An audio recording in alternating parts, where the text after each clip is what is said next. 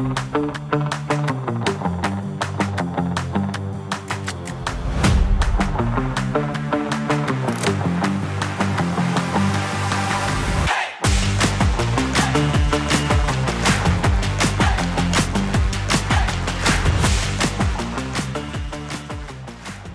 allihopa och mycket varmt välkomna ska ni vara till Direktionen.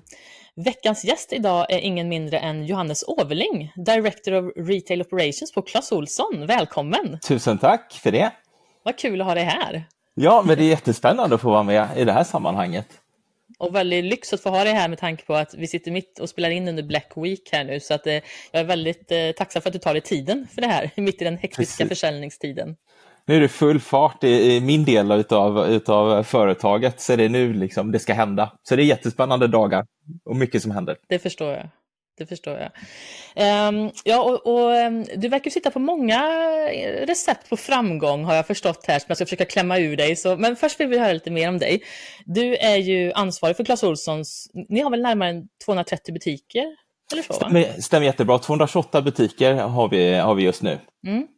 Eh, så, apropå när man säger eh, vad man är ansvarig för, att det är den operativa delen utav, utav bolaget. Sen kan det nog vara olika definitioner i, i olika företag.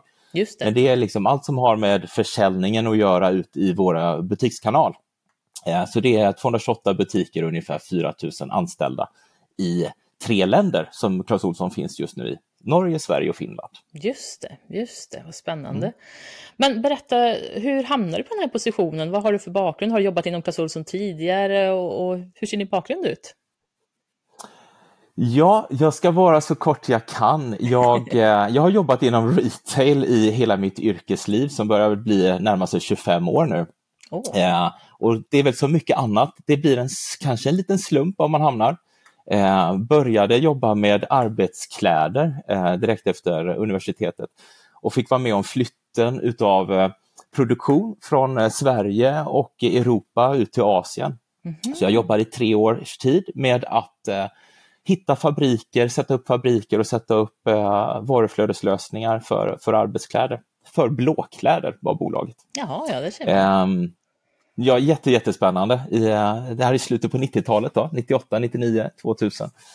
Eh, sen hamnade jag på ett flyg från eh, Hongkong till Frankfurt, hamnade bredvid en partner på det som då hette Anderson Consulting, eller Accenture som eh, det heter numera.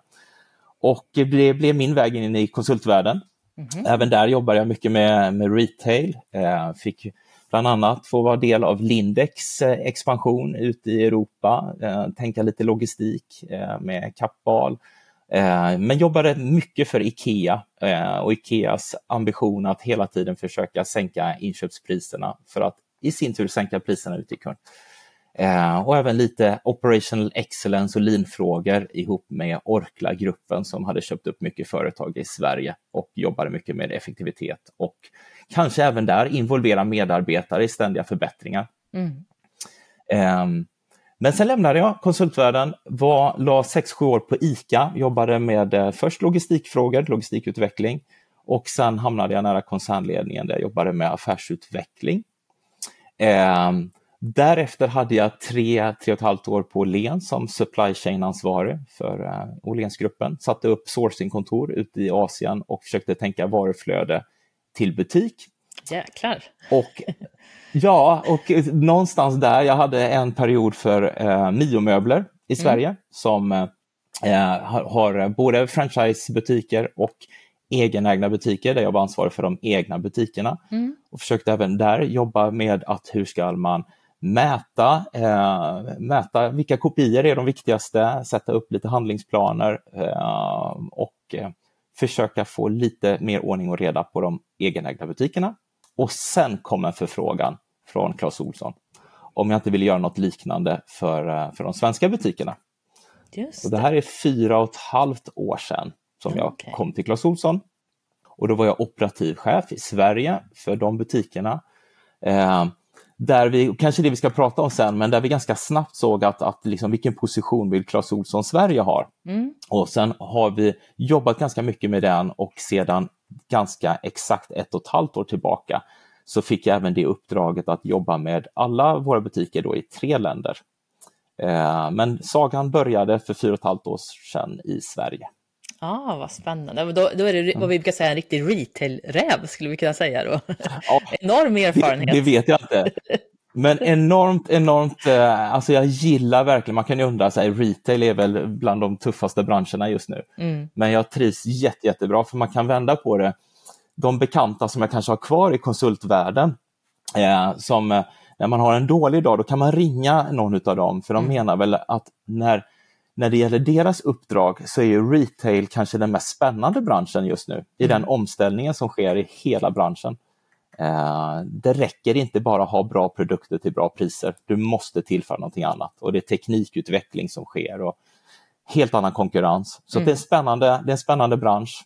Ja men det är det verkligen. Som du säger, det är just de här utmaningarna i omställningarna som ju faktiskt gör att det blir lite extra roligt och det blir lite extra laddat. Det gör skillnad på vilka aktörer som faktiskt kommer att ha en fast position på marknaden och vilka som kanske kommer att hamna i bakvattnet.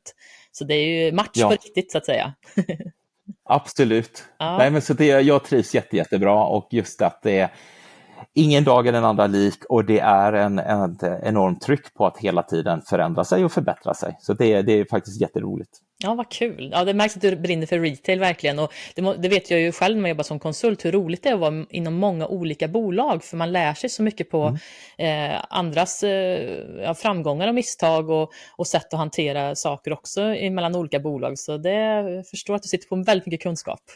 Ja, men det är roligt. Jag träffar ju också andra, andra kollegor från, från eh, ja, andra företag.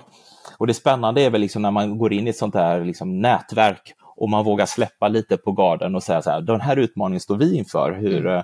hur känner ni igen er? Hur tänker ni? Och det är många av oss sitter ju med samma typ av frågor. Ja. Även det beror på lite, vi säljer olika produkter eller tjänster, men det är ungefär samma frågeställningar mm. som är också liksom inspirerande att bolla lite med andra. Verkligen. Ja, och jag vet att ni har ju vunnit Brilliant Awards titel som bästa kundservice inom handeln för, ja, är det, är det tredje året i rad som ni har vunnit det? Mm, ja. mm, stämmer. Det är ju helt fantastiskt. Och det är kundserviceavdelningen va, som har vunnit det priset om jag inte minns helt fel. Så är det, mm. precis. Det stämmer. Och jag vet att ni jobbar väldigt starkt som team inom Clas Ohlson när det gäller eh, kundservice inom alla delar och att det här är en del av er anda och som, som urspringer från er grundare i, i början och så. Men hur lyckas man få en så stor organisation med så många olika avdelningar i olika länder att, och spridda medarbetare att jobba liksom dedikerat mot ett och samma mål? Det måste ju vara en rejäl utmaning. Ja, men det kanske är det som du avslutar med att säga. Det, det gäller ju att, att man har satt upp det på agendan och att det är ett mål som man följer. Ja, men inte bara då månadsvis utan vecka och dag och pratar om hur uppfattade kunderna oss? Eh, och det tror jag, delvis finns det med i vårt DNA, att liksom Clas Olsson, vem var han, vad stod han för, vad mm. sa han, som vi försöker hela tiden påminna oss om. Eh, och det är liksom oavsett om du jobbar med produkter så är vi väldigt måna om hur bedömer kunderna våra produkter? Vad får vi för input på vilka produkter som man skulle vilja se i en Clas Ohlson-butik? Till kundtjänst, om man får säga så, en mm. klassisk kundtjänst, att se det som en, en, en framgångsfaktor och inte bara en, en, en kostnadspost i bolaget utan att alla dessa människor som svarar på mejl eller chatt eller i telefon att de är ju ovärderliga i vår relation med kunden. Verkligen. Och sen kanske den tredje komponenten där ute i butik. Mm. Eh, där vi har jobbat med kundmötet, egentligen skulle jag vilja säga i 104 år har vi jobbat med kundmötet liksom i butik, men de första åren så var vi ett postorderföretag. Eh, men om man nu ser alla butikerna så är ju det här, det här är en naturlig del utav våra morgonmöten och eh, ja, allt från morgonmöten till handlingsplaner för året till medarbetarsamtal så berör vi hela tiden om hur, hur vi eh, arbetar med våra kunder och vi pratar väldigt mycket kundrelation. Mm, just det. Ja, och är det någonting särskilt som du, jag vet att ni har mycket de här möten och sådär, vi ska komma in på det lite senare, men är det någonting särskilt som du brukar vara extra noga med för att, för att du ska nå ut kommunikationsmässigt eh, ut i verksamheten, ut i butik? Någonting för att liksom säkerställa chain of command om man säger så, så att engagemanget och känslan för kundmötet når hela vägen. För det, det blir ju lätt så att man sitter i ledningsgruppen, det vet jag ju själv det, och vi har suttit och planerat för det här i månader och nu ska vi accelerera upp det här så att ledningsgruppen har jobbat med det i, i kanske flera månader och sen ska man leverera det här till medarbetarna och så vill man ju verkligen säkerställa att de är med på tåget och har förstått syftet och, och, och känner känslan i det vi ska göra också. Har du något tips där? Just det. Nej, men mitt, mitt bästa tips är egentligen, det, det, jag vet inte egentligen vad jag har för, för någon hemlighet, men jag tror att i alla mina år så har jag varit väldigt upptagen av att vara nära verksamheten eller vara nära kund. Mm. Så det spelar inte så stor roll om jag har om jag har jobbat eh, med logistikfrågor på ett lager så är jag väldigt mån om att hur uppfattar nästa del i kedjan den, det arbetet vi gör här på lagret. Så liksom att du hela tiden försöker stämma av förväntningarna av nästa och är du nöjd och vad kan jag göra bättre och sådär. Mm. Ehm, jag tror att hela igen då, om man, om man kommer ihåg vad jag sa inledningsvis, men apropå liksom hela de här lean-principerna är ju mm. extremt kundorienterade. Um, du sa ju också att du jobbade som konsult du med och jag tror att där blir man också lite präglad av att det jag tillför jag värde för den som ska på något sätt betala min räkning eller, mm. eller tillför jag värde, för i slutändan är det ju alltid en kund som ska värdera produkten och, och, och det, det priset som du, du tar betalt. Ja, så det tror jag det är liksom min generella ingångsvinkel i det. Mm. Eh, men när jag är ute och träffar igen, då, jag tror att, att oavsett vad du har för, för, för roll i ett företag, att du, du, du hela tiden tänker vad vill kunden ha? Är kunden beredd att betala för detta? Tillför detta någonting för kunden? Mm. Tar du det, den utgångsvinkeln och sen driver du allt det du hör, när, ju närmare kund du är, plocka upp eh, det väsentliga och så driv de frågorna in i bolaget så oavsett funktion. Så tror jag nog att, att du är framgångsrik. Sen kan du alltid krydda det med i, i handlingsplaner eller affärsplaner, att du alltid har ett avsnitt om kunden och kundvärdet. Mm.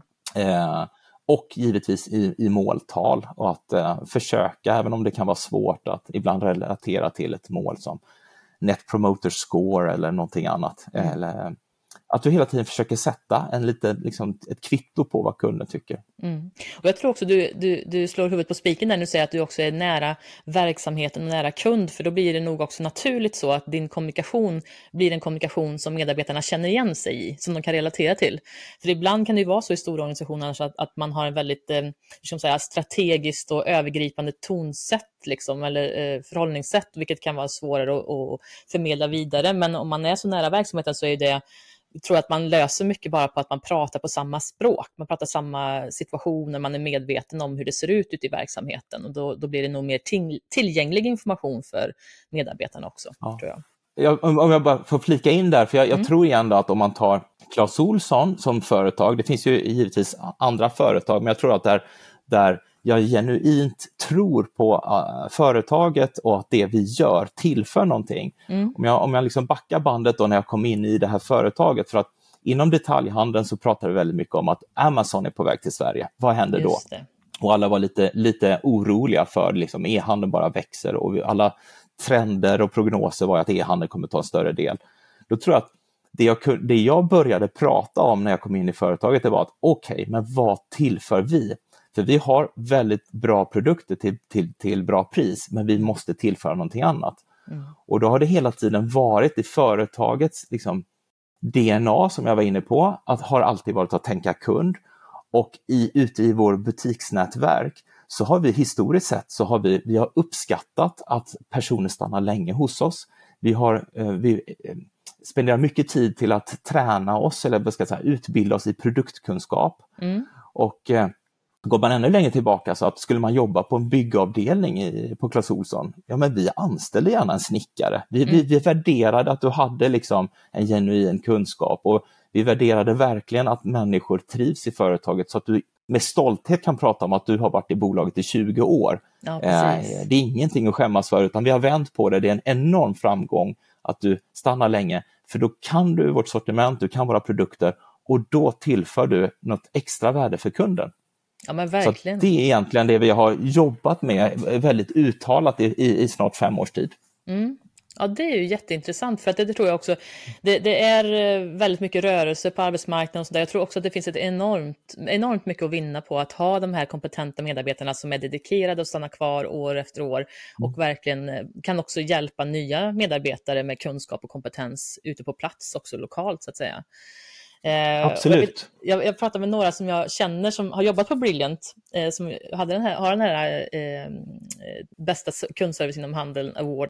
Och eh, jag frågade dem om, om Clas Olsson och är det verkligen sant att de är så där bra? Det, det är så roligt för då, då, har de liksom, då tystnar de och så böjer de huvudet framåt lite grann så här och lutar sig närmare och de blir nästan lite så här vördnadsfulla och så säger de med låg och förtrolig stämma Ja, ja det stämmer. De är så bra faktiskt. så det, jag tycker det är lite roligt. Ja. Det, det, det, verkar verkligen som att ni har lyckats med det för att även externa när de sitter och, och tittar på er hur ni jobbar så, så, ser man ju verkligen att det här är en, är en verkligen starkt dedikerad eh, tro på kundmötet som ni har hela vägen igenom och det, det ger ju effekt uppenbarligen.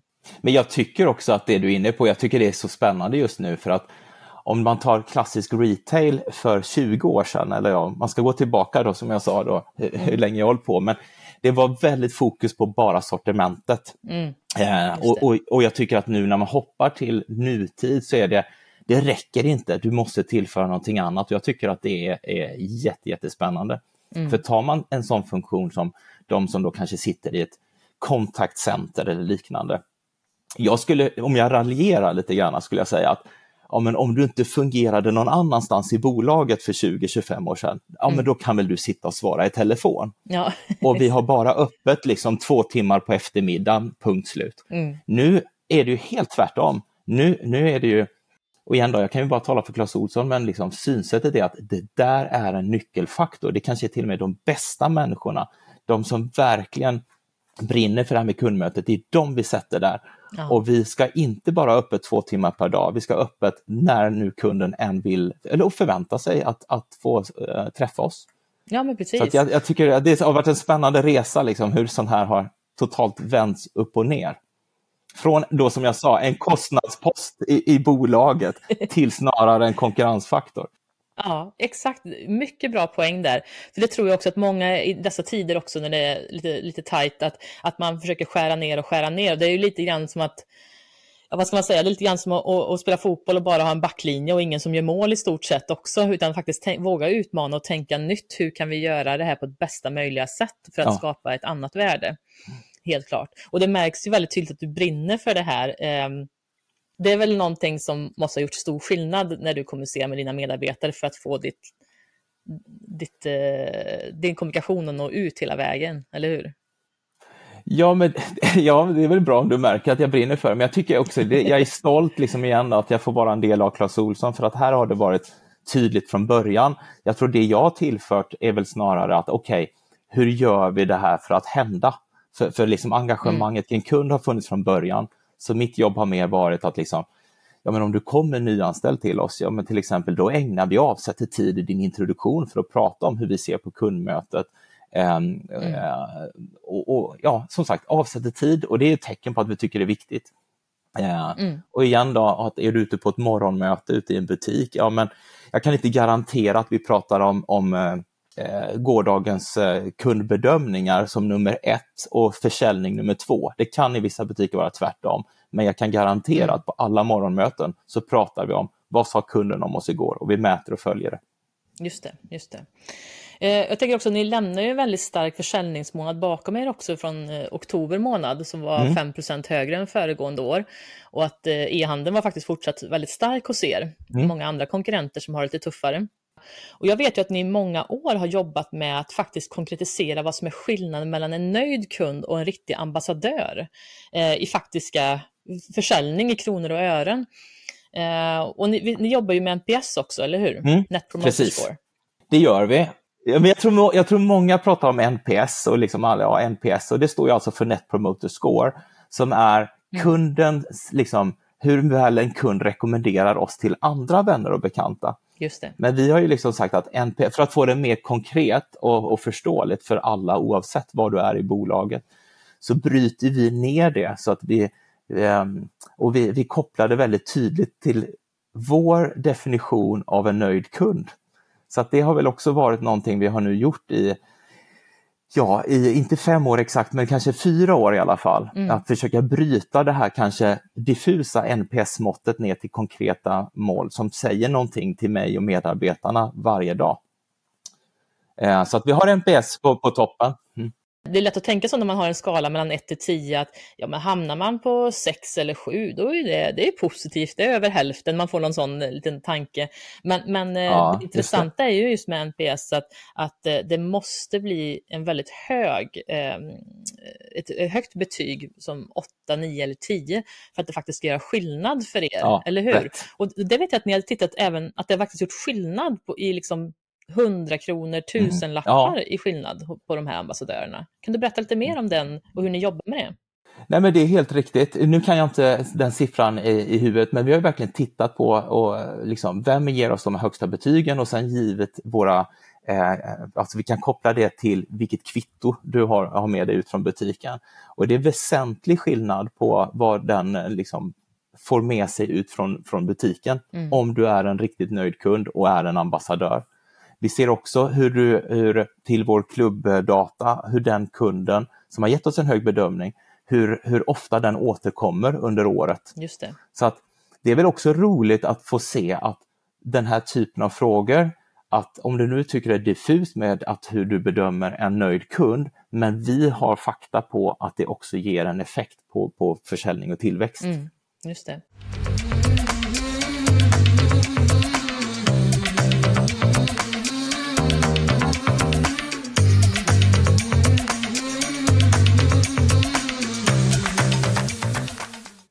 Men hur går tankarna hos er nu när det gäller att kombinera de här olika försäljnings och kommunikationskanalerna nu? Vi går in i Black Week nu som ofta är mycket on, eh, onlineförsäljning och så.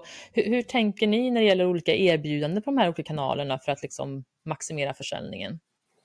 Ja, men det är fortfarande, eh, det är fortfarande två kanaler rent formellt sett mm. så att mm. säga utifrån eh, att vi, vi mäter och följer liksom försäljningen i de här två kanalerna. Eh, det kommer, du kommer absolut hitta vissa erbjudanden där vi, som är unika för e-handel eller unika för butik och det handlar liksom om hur, hur snabbt vi kan få ut eh, ja, ett erbjudande till kund. Att vi, vi är snabbare på att ställa om eh, knapparna i e-handelskanalen än vad vi är i butik. Just eh, men, vi, men utifrån, om man igen backar bandet och säger liksom utifrån det vi har jobbat med och som jag vet att, att liksom kunden också har gett oss uppmärksamhet för. Och det, det handlar också om att vi, vi fick faktiskt bekräftelse för två år sedan, tror jag det är, då vi blev årets äh, butik utifrån Omnikanal. Ja, just det. Och då var vi lite sådär själva att jaha, hur fick, hur, hur, vad, vad menar folk då? Vi är väl liksom inte så mycket bättre än andra. Men det är, det är just att du kan fortfarande då beställa varor på nätet och du kan få en snabb leverans genom att du väljer att hämta upp den i butik. Så att vi, vi, har, vi erbjuder även under de här veckorna så erbjuder vi dig att du kan hämta ditt paket inom 30 minuter.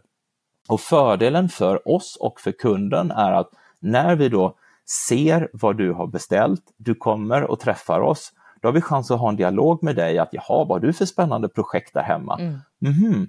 Eh, då borde du kanske även tänka på det här och det här. Mm. behöver inte alltid vara en produkt utan igen då, vad vi tränar oss på det är att vi vi är nöjda bara du är nöjd. Det mm. behöver inte alltid innebära att du köper ytterligare en vara. Utan vi, vi, vi vill gärna dela med oss av vår kunskap.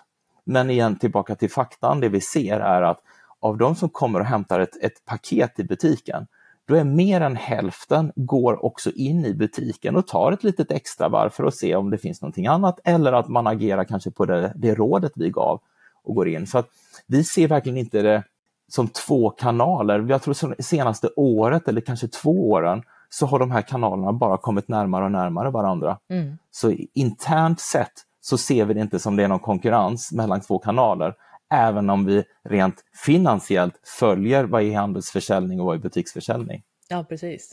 Precis, ja, och det är det som jag tycker är intressant, för jag själv som kund brukar också göra så att jag beställer på nätet och åker förbi och hämtar. Eh, ni har ju också väldigt bra lägen på era butiker, så det möjliggör väl också att man tycker att det är smidigt att åka förbi och hämta upp. Och, och jag har också funderat på det, vad är det som gör att jag alltid gör det på Clas Olsson, men inte så ofta på andra ställen faktiskt.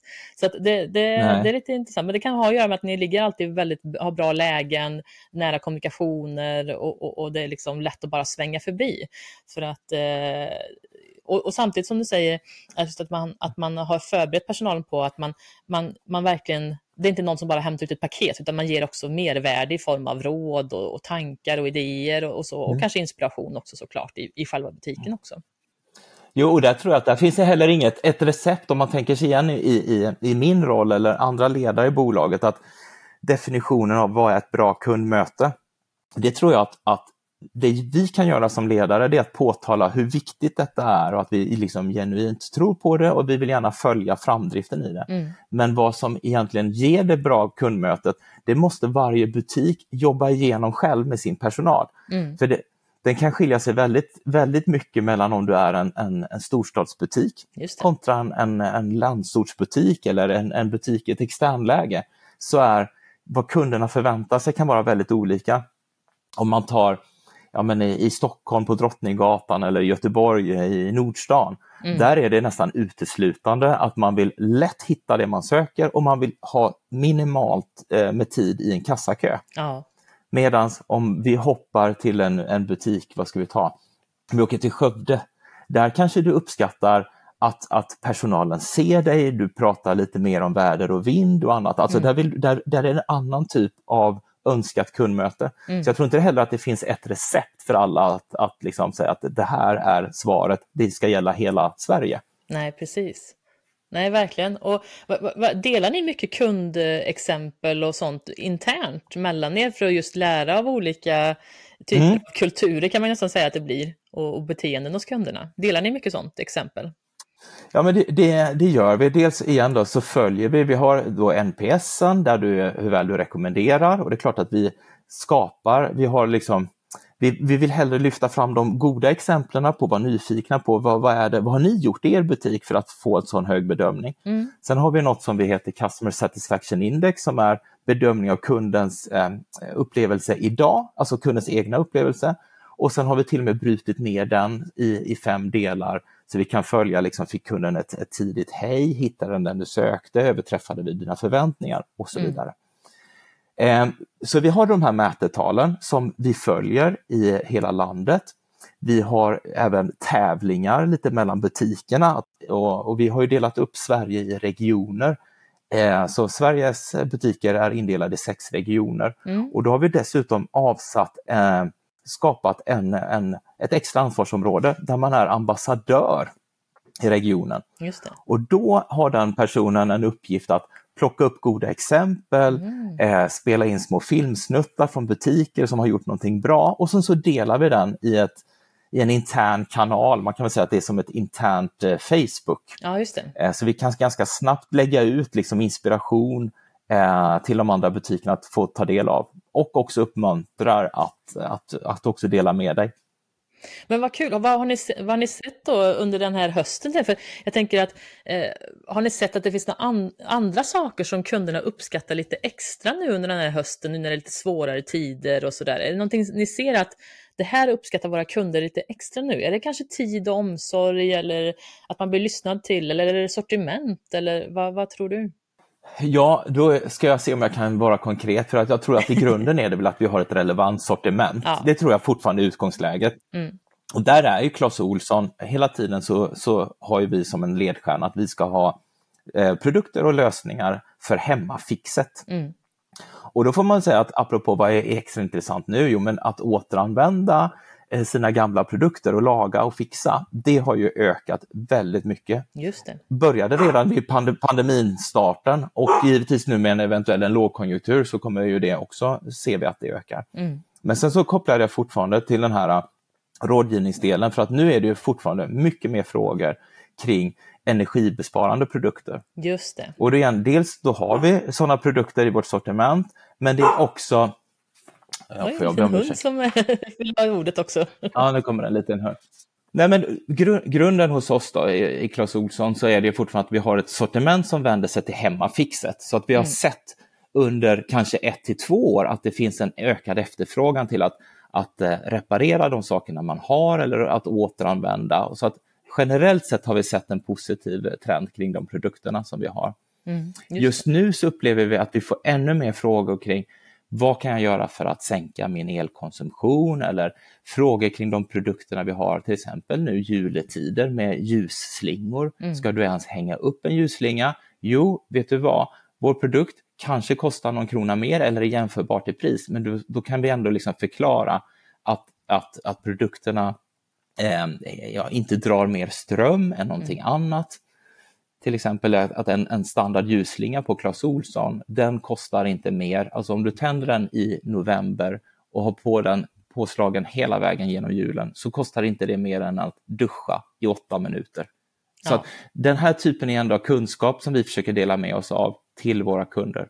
Ehm, det har vi märkt en, en, en stor efterfrågan på. Mm. Och det borde ju skapa väldigt mycket värde för kunden tänker jag eftersom det är just, ni säljer många sådana produkter som du sa, fixa och laga produkter som, har, som också har blivit väldigt mycket mer intresse för. Mm. Eftersom det verkligen, där bidrar ju ni verkligen med värde i form av kunskap och man kan rådfråga mm. och man kanske har lite funderingar kring olika saker vilket är väldigt svårt kanske att få på, på många ställen. Så det, och det uppskattar jag som kund också väldigt mycket, att man får de här tipsen och råden. Har du tänkt på att du också kan mm. göra så här? Eller, och så så det, det, mm. tror jag bidrar väldigt mycket till, till värdet i kundmötet. Så. Ja, men det tror jag. Och, och jag hoppas så här, du får tro mig om jag, när jag säger att för oss, även om du går från vår butik utan att ha köpt någonting, men du är ändå nöjd med den kunskapen vi kunde förmedla oss, då är mm. vi ändå stolta. Mm. Eh, så det här återkommer jag ofta till när jag är ute och träffar eh, våra butikschefer eller butikspersonal, att även om inte det blev en försäljning då, mm. så är det ändå en kund som fick ett, ett intryck av oss, vi kunde bidra och kommer garanterat komma tillbaka vid ett annat tillfälle till oss. Mm. Ja, och jag tänker, eh, nu har vi varit igenom utmaningar med pandemi och, och sånt och mm. eh, vi har utmaningar nu i höst med att eh, folk håller lite hårdare i plånboken och, och kostnader, levnadskostnaderna är lite högre än vad de brukar vara och man kanske är lite mer försiktig och gör lite mer omsorgsfull när man gör sina inköp. Men och, och, det är ju en viss typ av utmaning naturligtvis för er nu som står inför er absolut viktigaste försäljningsperiod på hela året här. Men vad tycker du i de här svängarna, du har varit med i Clas Ohlson också under pandemin. Vad, vad har varit de svåraste utmaningarna i de här omställningarna, eh, tycker du? Spontant skulle jag ju liksom säga att det har ju varit kopplat till vår butikspersonal. Vi har ju mm. haft själva en situation under pandemin där vi nästan inte har vetat om vi kommer klara att ha butiken öppen för vi har Nej. inte tillräckligt med personal. Och det är vår personal som är där ute och kanske liksom utsätter sig för en viss risk under en pandemi. Så att det har varit liksom ett, ett, ett stort hjärta för all butikspersonal eh, under den här perioden. Mm. Eh, men vi, vi har ju också sett då ute i butiken när, du, eh, när vi har kunnat klara av att hålla öppet och så vidare, så har det ändå varit eh, ja men vad ska jag säga, omställningen utifrån att fler har valt ändå att kanske då beställa en produkt i lugn och ro där hemma, men kommer ändå till butiken och hämtar upp den. Men mm. så att e-handelsökningen för oss har ju ökat, men fortfarande så ser vi att tillväxten av vår e-handel sker mestadels i att du ändå kommer till butiken. För du vill mm. fortfarande ha den relationen med, med, med Clas Ohlson eller med vår butikspersonal. Mm. Så det är väl där igen då, vi har sett förändringen och kanske lite förvånade själva. Att inte, liksom, varför väljer inte alla att hämta upp det på ett postombud? Nej, någonstans. Mm. Det kanske i och för sig är snabbheten i leveransen, men det, vi tror ju fortfarande att det handlar om den här relationen som man får om man kommer till butik eh, och, och hämtar produkten. Ja, för det verkar som att ni är väldigt duktiga på att ställa om med kriser och liksom fokusera på kunden hela tiden och se vad är bekvämaste sättet för kunden att handla, hur kan vi hjälpa kunden och sådär. Men eh, jag vet i, i, när det hade gått ungefär ett år av pandemin så vet jag att det kom väldigt mycket intressanta studier från USA om företag som hade väldigt bra företagskultur, att de hade mycket, mycket lättare att ställa om. Eh, för personalen var ju på hugget och hade tilltro till ledningen och, och det gjorde faktiskt skillnad på sista raden också.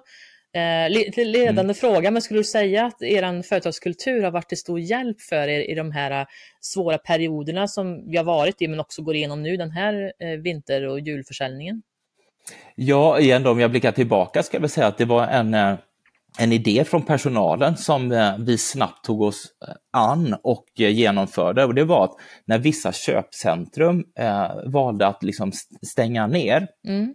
då höll vi fortfarande vår butik igång, men ganska snabbt så erbjöd vi att vi lämnar ut det, du, det du behöver i parkeringsgaraget eller utanför entrén på köpcentret. Ja, just så det vi var lite tagna på sängen under ett antal veckor, men ganska snabbt ställde alla butiker om i alla tre länder på att erbjuda den tjänsten att hämta utanför butik. Mm. Det är väl ett sådant exempel på hur vi snabbt eh, liksom ställde om. Om jag tar nutid och som du säger, det är lågkonjunktur och tufft läge, men som företag då, så vi har inga initiativ alls som pågår där vi vill spara pengar och timmar kopplat till våra butiker och vår, vår personal. Det är mm. snarare så att vi försöker öka tempot i vad kan vi göra för att minska eh, den tiden i butik som används till annat än kundmöte. Ja, det. Så det är snarare vi, vad kan vi på, på kontoret, liksom, vi tjänstemän, vad kan vi göra för att frigöra mer tid i butik? Och den tiden vi frigör har inte vi för avsikt att skära ner och minska personal, utan snarare få ännu fler timmar med våra kunder. Eh, så det är igen så jätte, jätteroligt och jätteglad att tuffa tider även för retailers, men vi skär inte i butikstimmarna eh, när vi jagar våra kostnader. Ja, det är bra.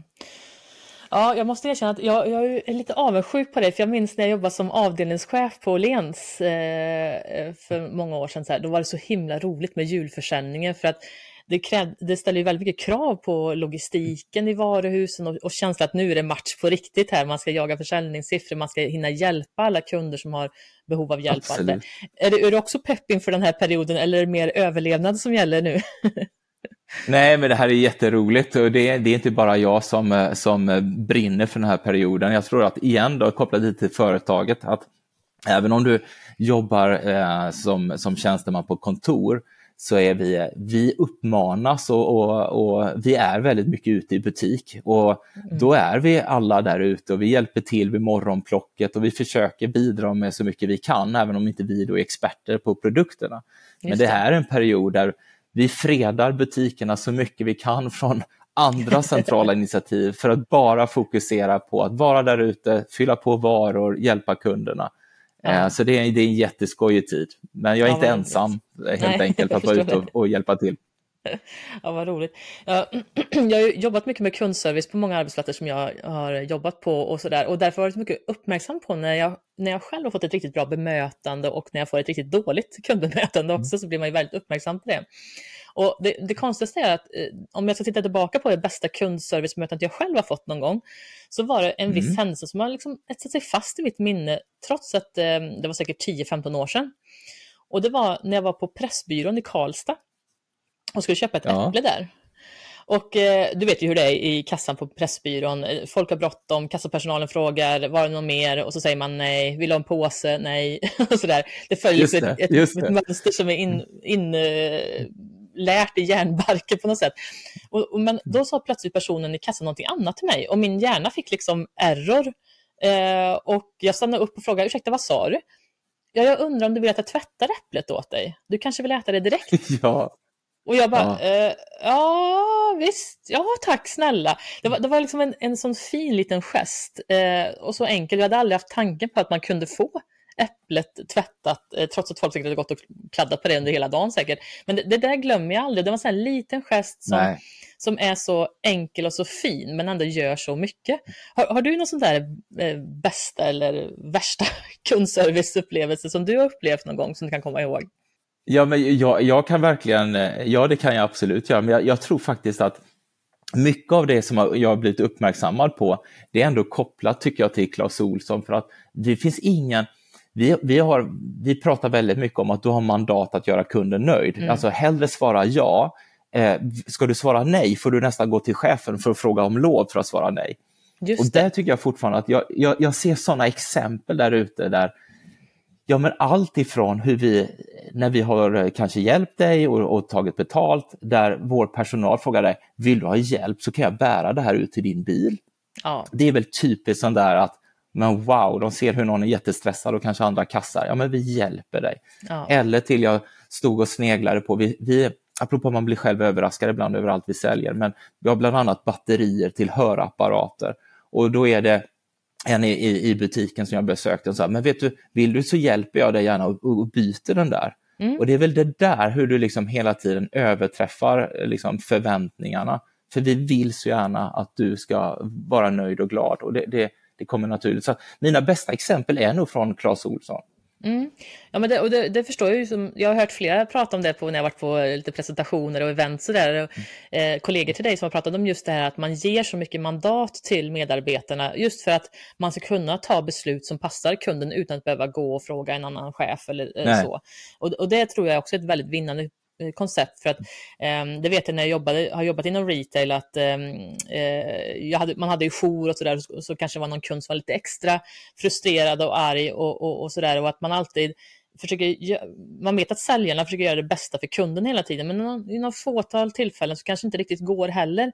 Och då tyckte jag det var så viktigt också Nej. att se att när man kanske kommer till vägs ände när det inte går att hjälpa kunden och kunden är frustrerad och arg, Eh, så, så gör man vad man kan för att det ska bli en bra upplevelse i alla fall. Och jag vet att medarbetarna också uppskattade mycket att cheferna också stod på, på medarbetarnas sida, för ibland kan det också bli ganska eh, hotfulla situationer i butik också. Eh, förhoppningsvis Absolut. är det, det är en väldigt, väldigt liten del av, av eh, kundmötet som tur är, men det finns ju ändå en del tillfällen då, då kunder faktiskt blir hotfulla när de inte får eh, reklamera en, en sak som inte är eh, som inte går att reklamera egentligen. Då. Ehm, så det, det, det, det, är verkligen en utmaning att kunna vända en sån person så att det inte blir, åtminstone inte blir mer arg när de går därifrån, utan lite mindre Nej, men, arg. Absolut, mm. men, men som sagt att, att eh, det är klart man kan vara mer strikt, liksom att ja, men har du verkligen köpt den här varan hos oss om du vill reklamera och annat, men det är tillbaka till, du har mandatet att göra kunden glad, snarare gå till chefen om du ska liksom säga nej. Mm, eh, det tror jag fortfarande att så länge vi återkommer hela tiden till det, och eh, igen då, jag har ju suttit med, apropå vara nära verksamheten, det, det är också så här, för de som har chansen att lyssna på det här, men, men har man möjlighet, sitta med till exempel i medhörning på en kundtjänst, det är också så bland det bästa man kan göra. Ja. Det är klart att det finns kunder som är, ringer in och är jättebesvikna och säger att jag har beställt den här varan och jag har väntat i sju dagar, vad är det frågan om? Och få ändå få vara med om hur Eh, på rätt sätt hur, hur ett sådant samtal kan helt plötsligt vändas tvärtom, där kunden är jättetacksam när jag fått informationen, då förstår jag läget och annat.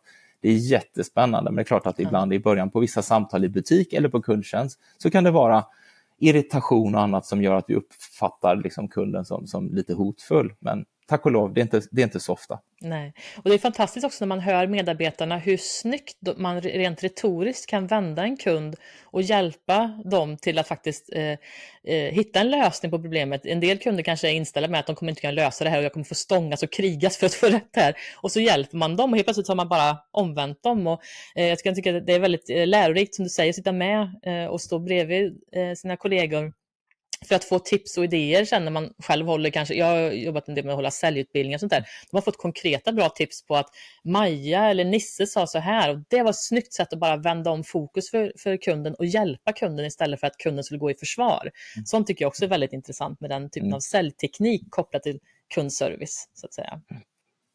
Men jag, jag tror att tillbaka till oss människor, att vad vi än nu jobbar med, att du någonstans för åtminstone de, den stora massan, att man, man verkligen gillar det man jobbar med. Ja. För det är klart att går du till jobbet bara för att ja, men jag, är, jag är tvingad, jag behöver, jag, behöver, jag behöver den här lönen och jag vill bara göra minsta möjliga eh, insats och, och sen komma därifrån. Kontra att du går till ditt jobb och verkligen tycker det är roligt. Det handlar ju om dina arbetskollegor som man spenderar tid med, men också utifrån kunderna som man också spenderar mycket tid med. Kommer mm. du, tycker du att det är roligt, då, då ger en helt annan dimension av jobbet än att gå bara och jag sitter i kassan, jag ska bara ta betalt. Kontra att jag kan tillföra någonting mycket mer. Det kan ju liksom, det gäller väl alltifrån gå till en hårfrisörska. Eh, mm. liksom att det är mycket mer än att bara bli klippt. Eller om du hoppar in i en bensinmack och egentligen som du sa, man vill, eller Pressbyrån i ditt exempel, men du vill bara betala och gå därifrån. Men är får du ett leende, någon som frågar, liksom, ja men kul att se dig, hur är det med mm. dig och vilket väder vi har. Alltså på något sätt gör det ju någonting mer, både för den som är anställd och den kunden som är i mm. den situationen. Så att, ja, gilla, gilla det du jobbar med, då kommer liksom kundmötet med automatik. Ja, och avslutningsvis så skulle jag bara vilja ställa en fråga. Jag ser, vi ser ju att kundbehovet har förändrats en hel del under de senaste tre åren med, med omnichannel, snabba leveranser hem och spårbarhet och CSR och sådär. Det kanske är en, en nästan omöjlig fråga att svara på, men med tanke på hur snabbt saker och ting sker nu för tiden. Men, men vad tror du kommer att vara avgörande för, att, eh, för kundservice i framtiden? Vilka kommer att vara framgångsrika och ta marknadsandelar, tror du, när vi ser på framtiden här nu? Ja, ja, svår fråga, absolut. Men, men där, jag tror ju genuint på kombinationen e-handel-butik. Jag tror verkligen att butikerna har en, eh, en avgörande del i framgången framöver. Mm. Och jag är tillbaka till varför jag tror det. Det är klart att som e-handlare att du vill, kan ju sätta upp en butik bara för att presentera varorna. Fast jag tänker större än så. För butiken tillför en, en kundrelation. Och jag tror att, igen då, produkter, ett, ett brett sortiment, hitta det du söker och ingen vill betala eh, liksom, något överpris. Jag tror fortfarande produkter till ett bra pris, det är lite grundfundament. Det är ja. ingen konkurrensfaktor, det är bara en självklarhet. Nej. Sen måste du tillföra någonting annat. Och där tror jag att butiken har en jätteviktig roll. Skapa inspiration, skapa en relation med, med kunden och kunna erbjuda det lilla extra, om det så är i kundmötet, i samtalet eller att jag bär dina kassar ut eller som i Clas Ohlsons fall, att, att vi tittar ju på också att vi har produkterna i, i, grunden. Sen kan vi även hjälpa dig att installera det hela annat. Så liksom vi mm. försöker se hur vi kan gå längre än att bara sälja en produkt. Mm. Och det, ja, det tror jag, det är mitt medskick till andra också, liksom, att uh, hoppar man in till möbelhandeln, att liksom inte bara sälja en soffa, utan Nej. vad mer kan du bidra? Ja, men det kan mm. allt vara från hemkörning till uppmontering eller, eller annat. Ja, men precis. Det tror precis, jag på. Det lilla extra. Mm. Mm. Ja, tusen tack Johannes för att du kom hit och pratade om kundservice eh, med oss idag. Eh, jag önskar dig jättestort lycka till nu med Black Week och julförsäljningen och så. Jag kommer säkert komma in till er både en och två gånger innan jul, för det är alltid någon bra ha-sak man behöver hos er. Så att jag kommer nog du är så välkommen. Ja, tack. Ja, tack. Tusen tack själv, jättekul att prata. Ja, och tack alla lyssnare för att ni var med oss idag. Eh, gå gärna in och följ oss på sociala medier och vill ni ha mer innehåll kring ledarskap och tips för att driva framgångsrika verksamheter, ja då går ni in och blir eh, medlem i direktionen på Patreon. Så missar ni inte de här exklusiva intervjuerna och annat extra material som vi har där också. Eh, tack så mycket för idag och ha det så bra allihopa. Vi hörs om två veckor igen. Ha det fint!